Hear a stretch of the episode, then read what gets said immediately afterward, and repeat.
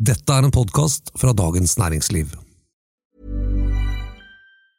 Ever catch yourself eating the same flavorless dinner three days in a row? Dreaming of something better? Well, HelloFresh is your guilt-free dream come true, baby. It's me, Gigi Palmer. Let's wake up those taste buds with hot, juicy pecan-crusted chicken or garlic butter shrimp scampi. Mm. Hello Fresh. Stop dreaming of all the delicious possibilities and dig in at HelloFresh.com. Let's get this dinner party started. This is Paige, the co-host of Giggly Squad, and I want to tell you about a company that I've been loving, Olive and June. Olive and June gives you everything that you need for a salon quality manicure in one box. And if you break it down, it really comes out to $2 a manicure, which is absolutely insane. It's also so easy to get salon worthy nails at home with Olive and June. The difference between how your nails used to look when you did them yourself and now with the Manny system is a complete game changer. The best thing about Olive and June too is it's a quick dry, dries in about one minute, lasts for five days, and full coverage in up to one to two coats. Visit oliveandjune.com slash perfectmanny20 for 20% off your first system. That's oliveandjune.com slash perfectmanny20 for 20% off your first system. It's that time of the year. Your vacation is coming up. You can already hear the beach waves, feel the warm breeze, relax, and think about work. You really, really want it all to work out while you're away. Monday.com gives you and the team that peace of mind. When all work is on one platform and everyone's in sync, things just flow wherever you are. Tap the banner to go to Monday.com.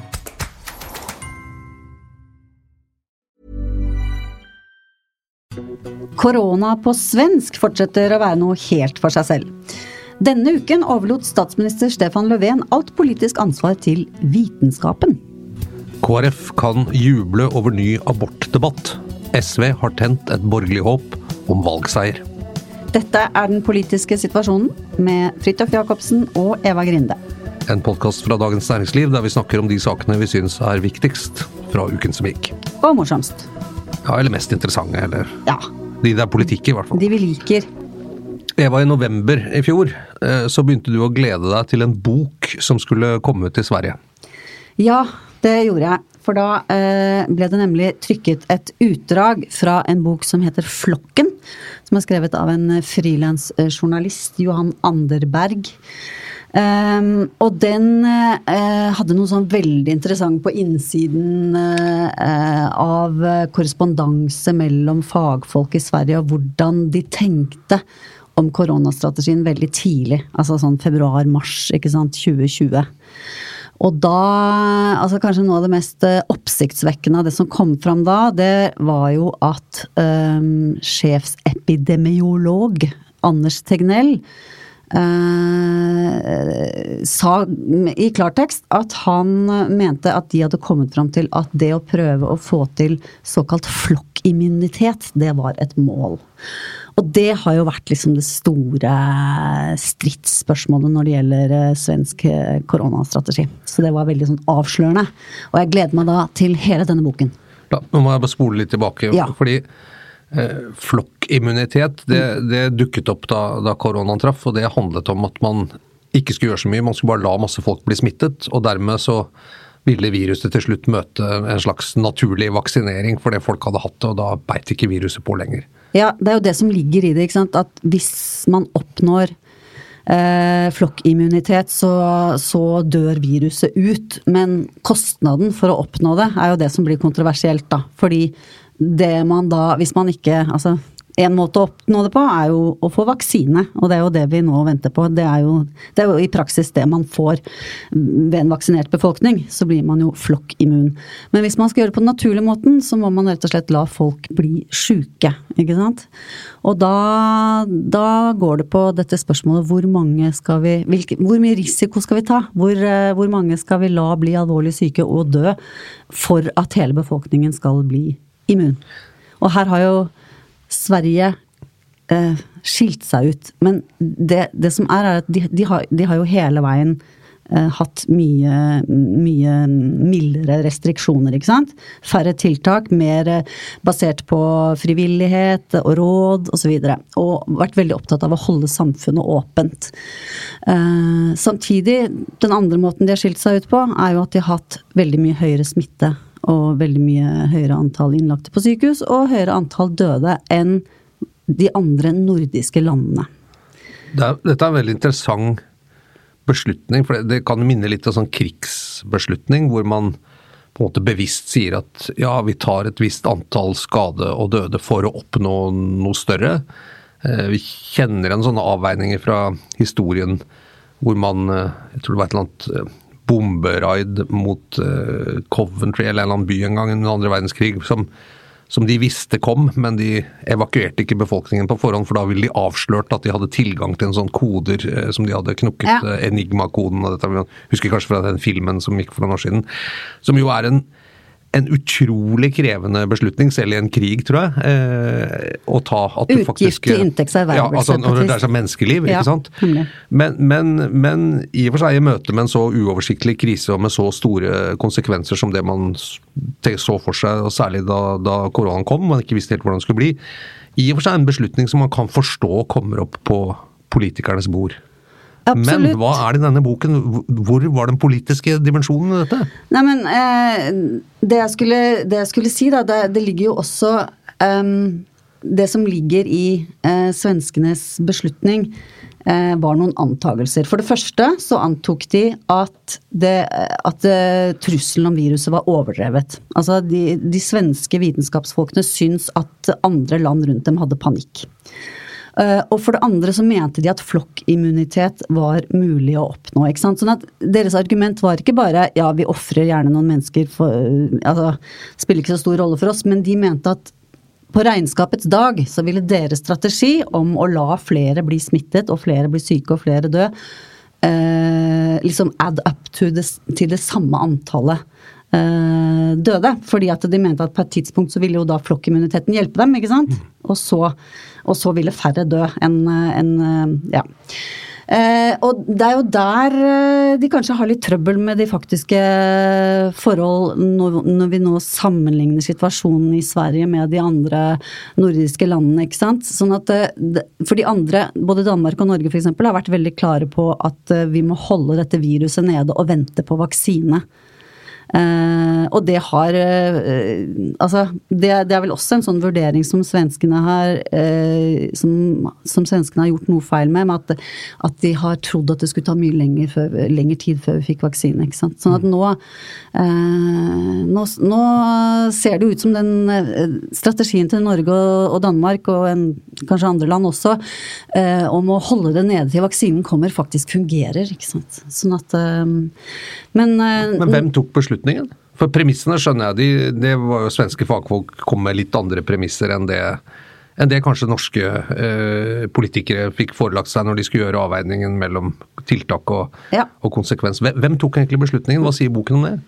Nei, det er jo uh, Altså, han uh, Journalisten har ikke kanskje analysert uh, Altså det som, jo, det som, kommer fram, er jo at, eh, at uh, disse fagfolkene har hatt stor uh, innflytelse. Altså Det kommer fram i den boken, og det vet vi jo også. Fra, det, har vi jo, det har vi jo fulgt med på. ikke sant? Og sett at I Sverige så er jo fordelingen av makt og hvem som tar beslutningen, ganske annerledes enn i Norge.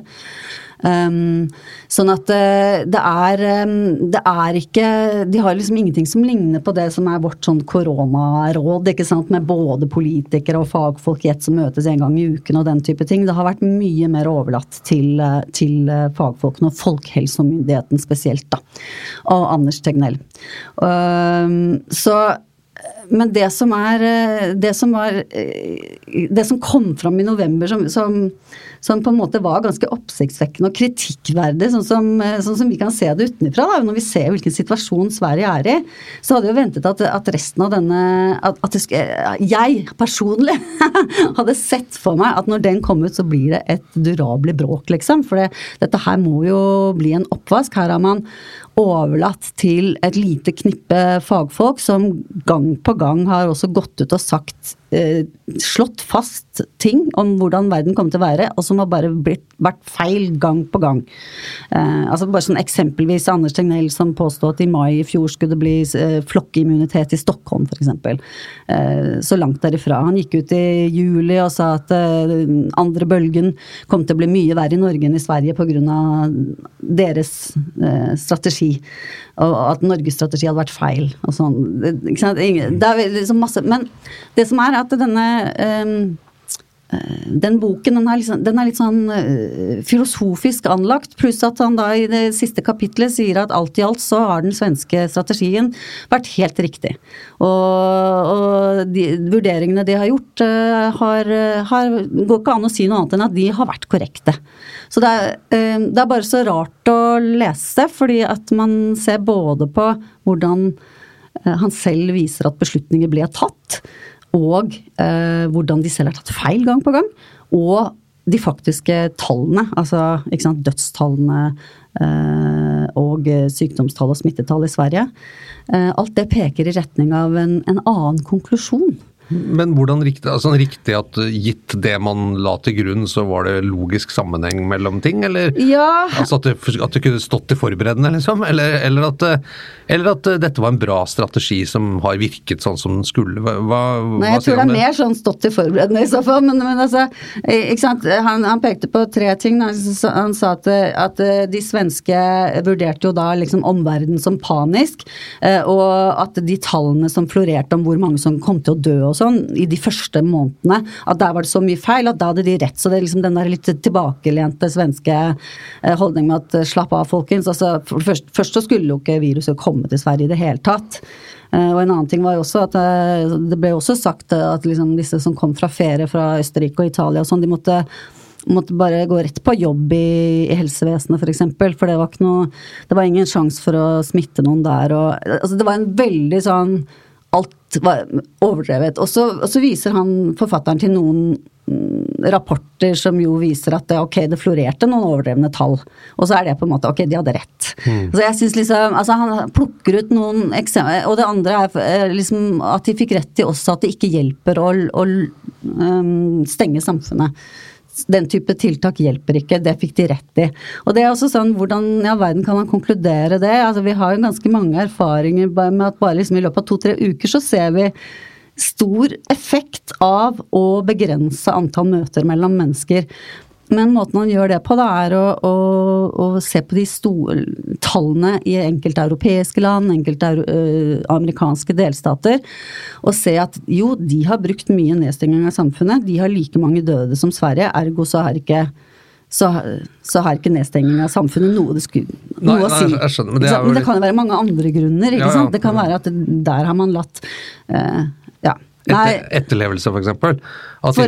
ja. eller hvor lenge det fikk eh, spre seg før man stengte. og det, er, det, det er liksom veldig selektivt, da. Det er veldig rart. Og det er så rart. Ja, fordi at Sverige, min kjennskap hvert fall til det, er jo en befolkning som eh, den forholder seg ganske bokstavelig til råd. Eh, altså det er sterk sosial kontroll.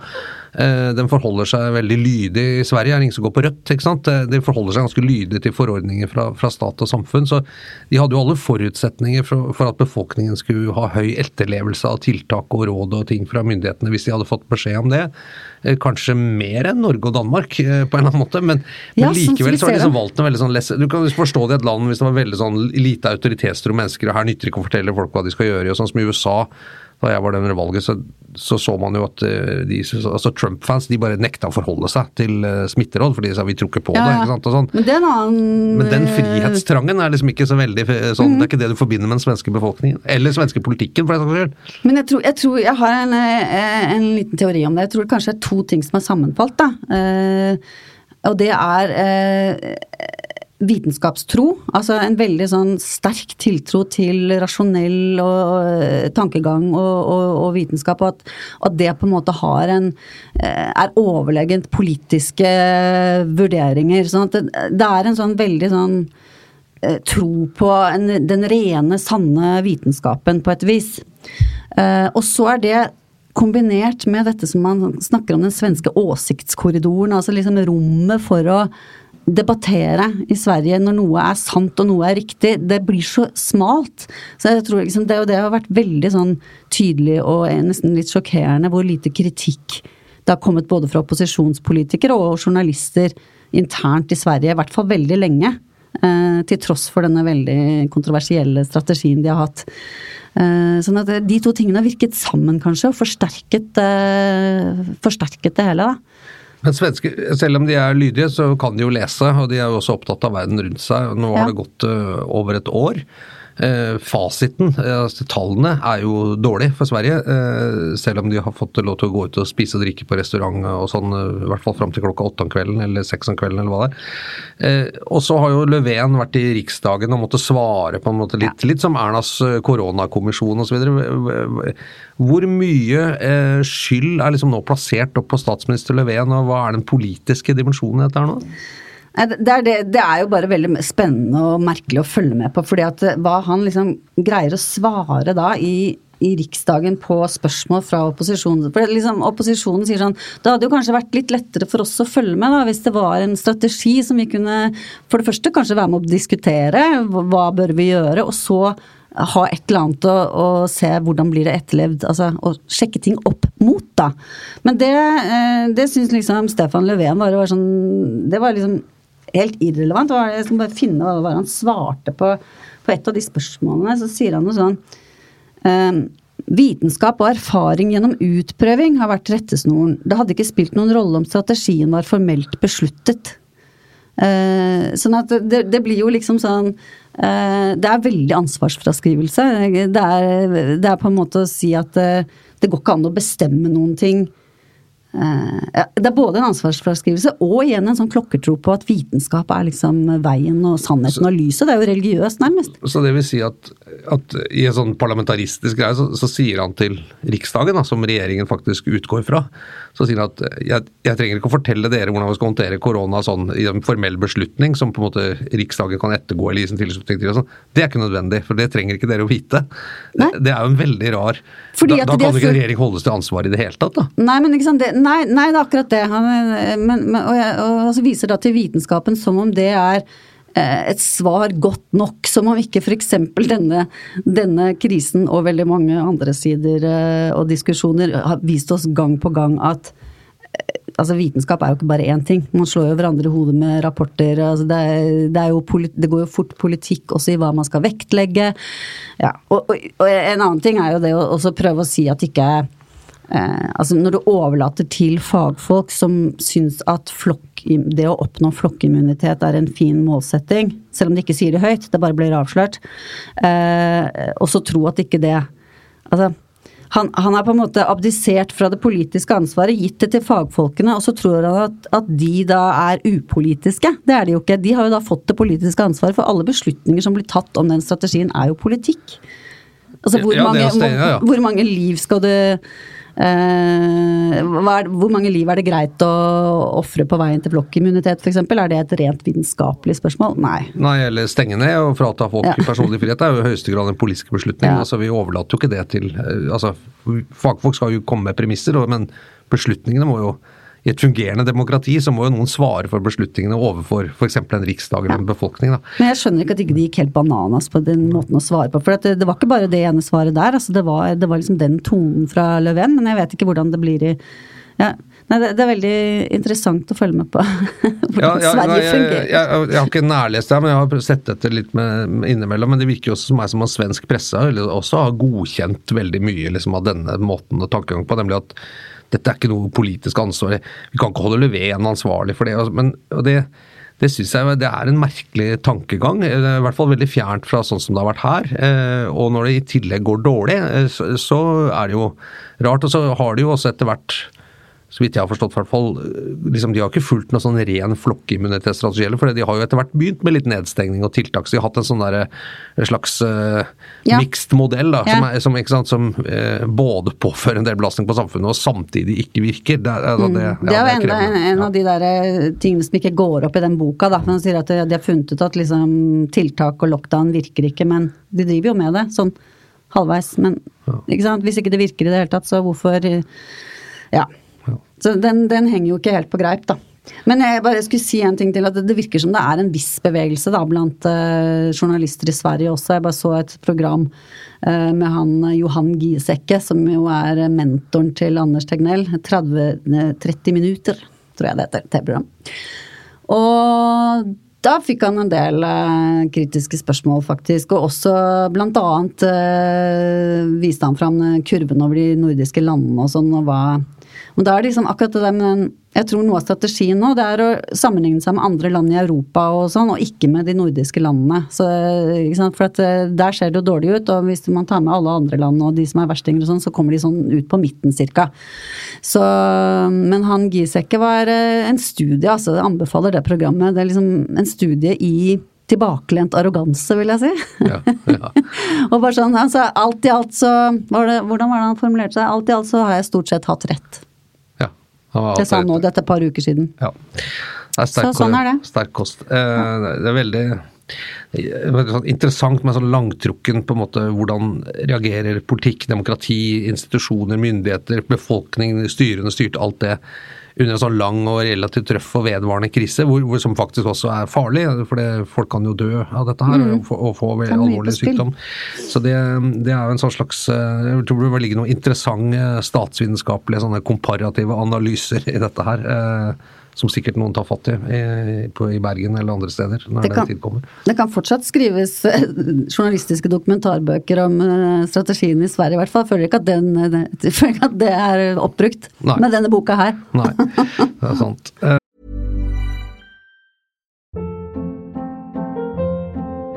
Hold up. What was that? Boring. No flavor. That was as bad as those leftovers you ate all week. Kiki Palmer here, and it's time to say hello to something fresh and guilt-free. Hello Fresh. Jazz up dinner with pecan-crusted chicken or garlic butter shrimp scampi. Now that's music to my mouth. Hello Fresh. Let's get this dinner party started. Discover all the delicious possibilities at hellofresh.com.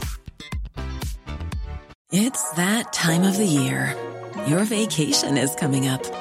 You can already hear the beach waves, feel the warm breeze, relax, and think about work.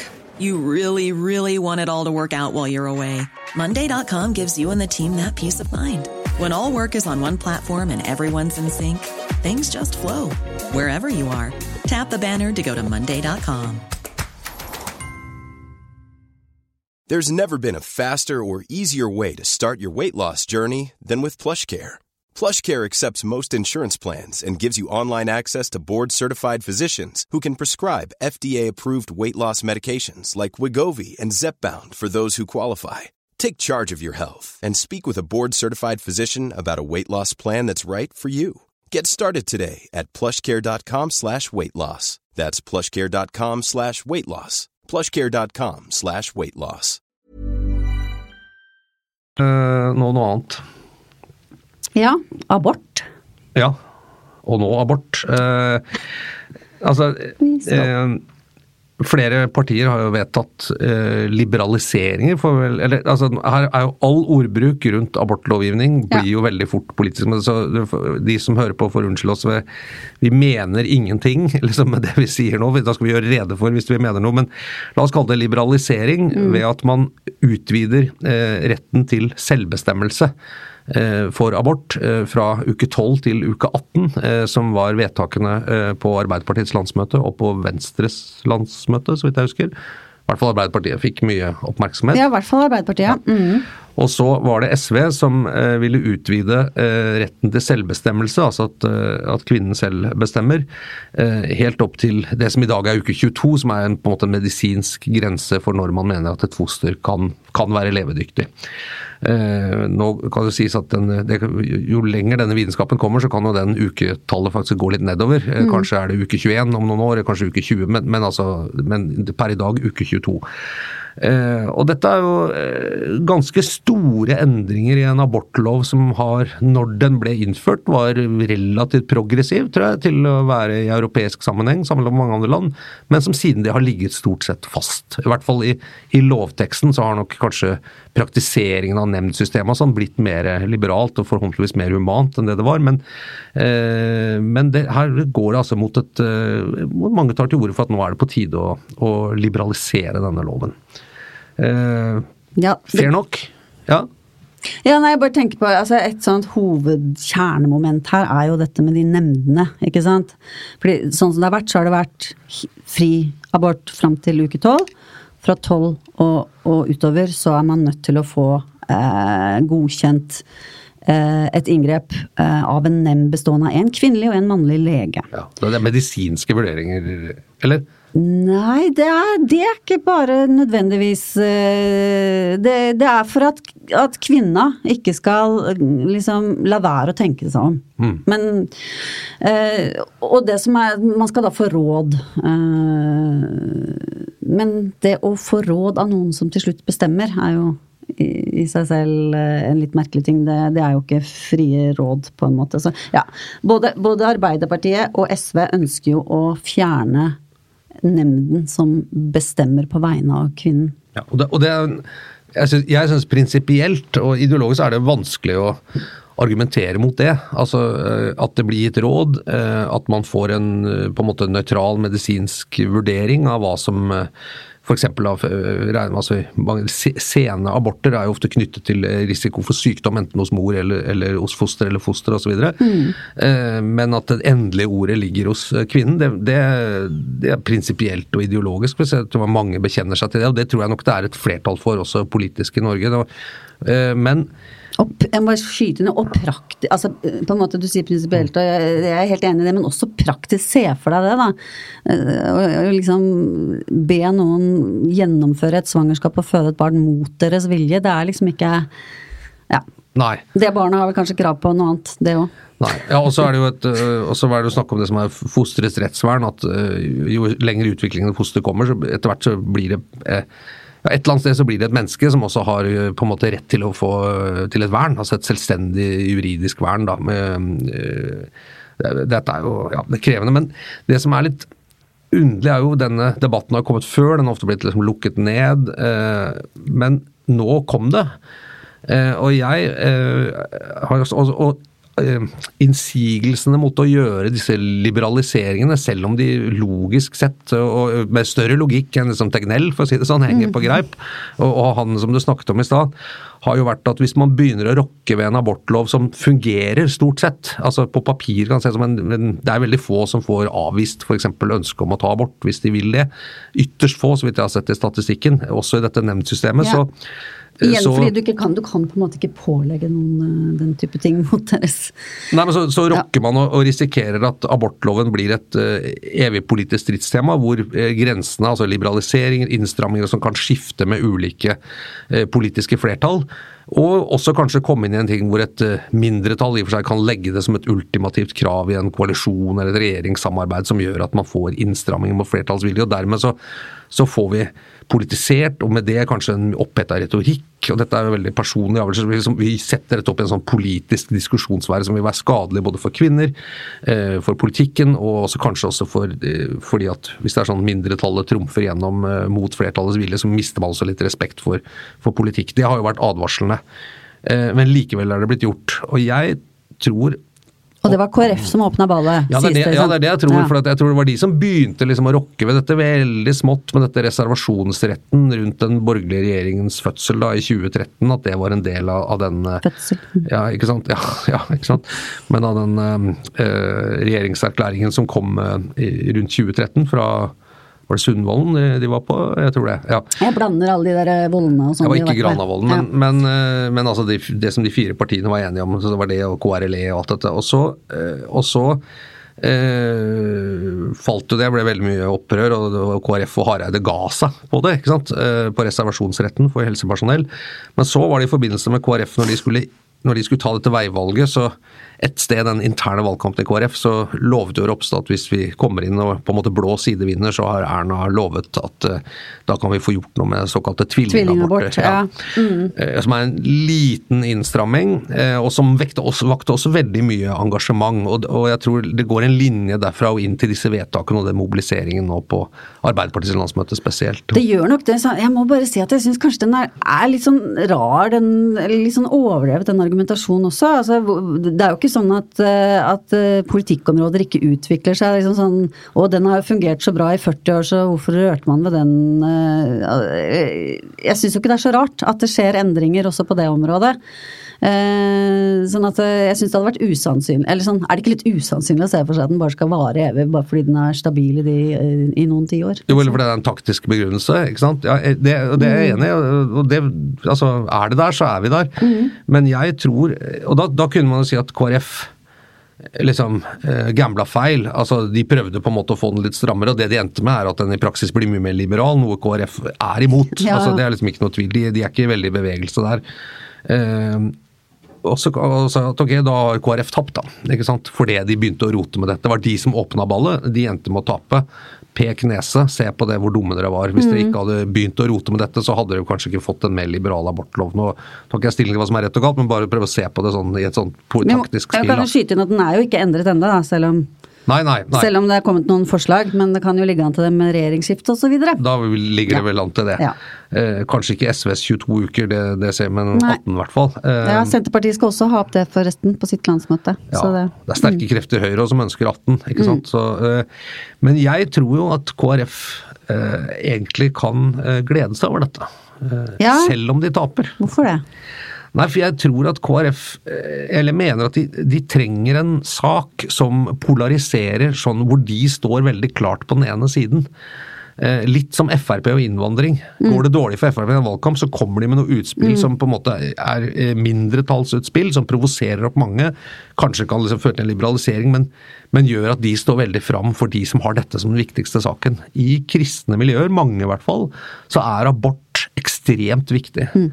Altså det, det, er en ting som, som, skiller på en måte folk som har et kristent politisk engasjement, mange av dem fra andre politiske engasjementer. Det, og det har noe med tro og ideologi å gjøre.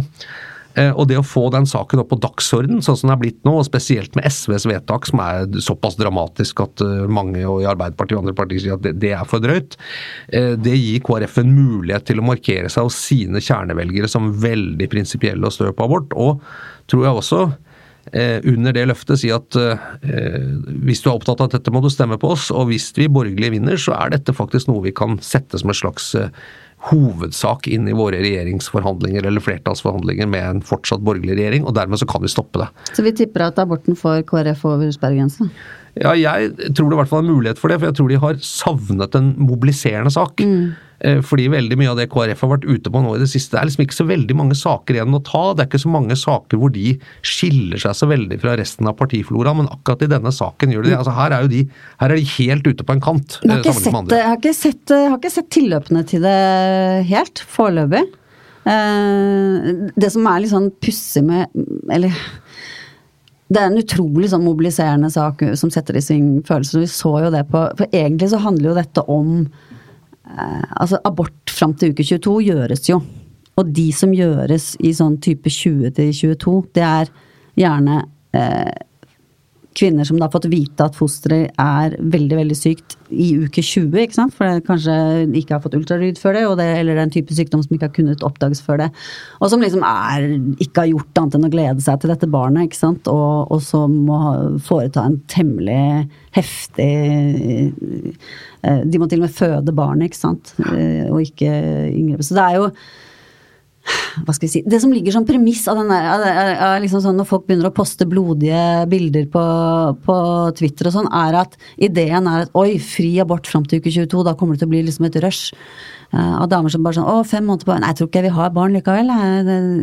Sånn, og, og fjerner det et friskt, uh, helt friskt barn som kunne vært født ikke sant, ved neste korsvei. Og det er It's not gonna happen. Jo, liksom. men, jo, men, det, men jeg, tror ikke, jeg tror ikke det debatten nødvendigvis blir sånn. Jeg tror det, liksom, det, det finnes folk som mener, altså, uten å liksom være i den grøfta der, med sånne blodige dukker og en sånn amerikansk, sånn der utrolig vulgær Mm. måte å gå på, og sånn, som rett og slett bare mener at dagens lov, eh, den, eh, den er liberal nok. Vi, vi ser ikke vi, ser, vi mener at det vil være galt å gjøre det, ut fra at, eh, at vårt grunnsyn, da, ideologisk eller livssyn, sier at det, Ja. det har noe med respekt for livet å gjøre. Sånn, Men uten den at vi, eneste forskjellen er nemnden. ja, Det betyr ikke at vi er mot abort, eller Nei. ikke mot selvbestemt abort. Det betyr bare at vi mener at en liberalisering nå vil være gal vei å gå. Det, og det, det, jeg, jeg tror det kan mobilisere. Jeg, jeg ser at Ropstad KrF har vært litt forsiktig i anslaget nå, Mm. eh, men jeg tror liksom de, de de må snakke til i denne saken, er ikke å vinne over på en måte hele Norge. Eh, Det er kommunikasjonen inn mot sine kjernegrupper, særlig på Sør- og Vestlandet, hvor de, eh, hvor de jo står sterkt, men hvor de er nødt til å stå sterkere for å komme over sperregrensen. Og det- Ta og fra de kristne, da. Ja, altså kristne Primært miljøer mer på enn Sør- og Vestlandet. sentrum, eller Ja. hva det het. Ja, Er ja. det sentrum det heter? Ja. Ja, ikke sant? Og det, er jo, det er jo den fløyen som vant uh, kampen om KrF, uh, men som ikke på en måte er sånn gammelkristne uh, og veldig sånn type moralistiske, sånn, den type ting, men, men mer unge, eh, typisk litt sånn Ropstad, ikke sant? Eh, relativt sånn, men med et kristent grunnsyn, men som, som er ganske sånn borgerlig orientert, opptatt av personlig frihet, har ofte egne skoler, ønsker liksom å få vært i fred, men ønsker å leve et liv mer i pakt med eh, hva man sier, kristne dogmer og tradisjoner enn en resten av Norge. Men ellers så er de liksom ganske påkobla samfunnet, i motsetning til kanskje Hareide, som var litt mer sånn 68, litt mer sånn urban, bistandsaktig fløy, da, som også har vært en del av KrF, men som, eh, men som kanskje var i ferd med å gå ut litt på dato. Det er litt spennende å se hvordan det virker inn. Og så bare kommer KrF over sperregrensen. Eh, ja, da er det Venstre det står på. Eh, Venstre har jo vist at de er gode til det i innspurten, eh, og hvis det skjer, så er plutselig dette valget veldig Men nå er ikke Trine Skei Grande der lenger, da. Nei, men, eh, men altså Hun var ikke i veldig god form før sist valg. De klarte å kare seg over da. Det var jo, da lå det veldig dårlig an. Hun har liksom alltid hatt en ja, men hun har tross alt greid å få dem over sperregrensa. Det har liksom vært eh, Ja. hennes eh, Vi får se. Men, men i hvert fall, jeg, jeg tror dette kan være en eh, game changer, i hvert fall. Men det, det gjør valget litt jevnere, da. Tro, det kan i hvert fall gjøre det. Kan være de sitter litt inne på valgkampstrategikontorene i KrF nå og lurer på hva, akkurat hvordan de skal bruke denne saken. Ja, eller at de tenker. Det var hit vi ville. Vi ville liksom sette denne saken litt i spill for å få opp denne konfliktlinjen, for vi mener det kan tjene oss, kanskje. Åh, Politikk kan være så det kynisk, da. er, det er kynisk, da. Ja. Der, har vi, der kommer politik, politikersynet fram. Jo, jo, Nei, tror de er så planmessige. ja, Kanskje. Nei, altså det, Interessant tanke. det har vært eh, Ja, det har skjedd drøyere ting. Ja, det har det sånn. nok. Det har det. Eller drøyere, men mer taktiske ting. Ikke den snille norske politiske landskapet. Jo, men det er, så, det er ikke så galt å få opp en sak til debatt hvis du mener at den bør debatteres, og du mener at du har noe altså det, så, Nei, men at de startet å røre ved den for at Ja, Ja. Ja, men altså at det kanskje kan tjene partiet. Ja, at det, kan, at det kan lønne seg å tape saken, ikke sant. Ja, Ja, ja. Det er jo litt spennende. Vi får se. Eh, Dette var den politiske situasjonen denne uken. Eh, Eva Grinde og Fridtjof Jacobsen takker for seg. Produsent for denne sendingen er Oskar Bremer. Eh, Hvis du liker det du hører, så abonner gjerne i din foretrukne podkastkanal. Vi er uansett tilbake neste uke.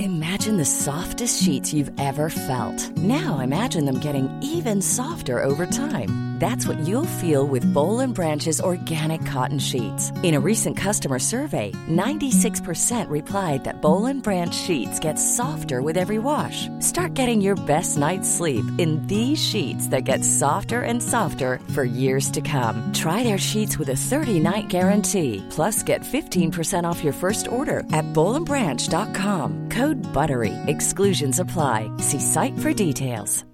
Hi, I'm Daniel, founder of Pretty Litter. Cats and cat owners deserve better than any old fashioned litter. That's why I teamed up with scientists and veterinarians to create Pretty Litter. Its innovative crystal formula has superior odor control and weighs up to 80% less than clay litter. Pretty Litter even monitors health by changing colors to help detect early signs of potential illness. It's the world's smartest kitty litter. Go to prettylitter.com and use code ACAST for 20% off your first order and a free cat toy. Terms and conditions apply. See site for details. Hey, it's Paige DeSorbo from Giggly Squad. High quality fashion without the price tag. Say hello to Quince. I'm snagging high-end essentials like cozy cashmere sweaters, sleek leather jackets, fine jewelry, and so much more. With Quince being 50 to 80% less than similar brands. And they partner with factories that prioritize safe, ethical, and responsible manufacturing. I love that. Luxury quality within reach. Go to quince.com slash style to get free shipping and 365 day returns on your next order. Quince.com slash style. Ever catch yourself eating the same flavorless dinner three days in a row? Dreaming of something better? Well, HelloFresh is your guilt-free dream come true, baby. It's me, Gigi Palmer. Let's wake up those taste buds with hot, juicy pecan-crusted chicken or garlic butter shrimp scampi. Mm. Hello Fresh. Stop dreaming of all the delicious possibilities and dig in at HelloFresh.com. Let's get this dinner party started.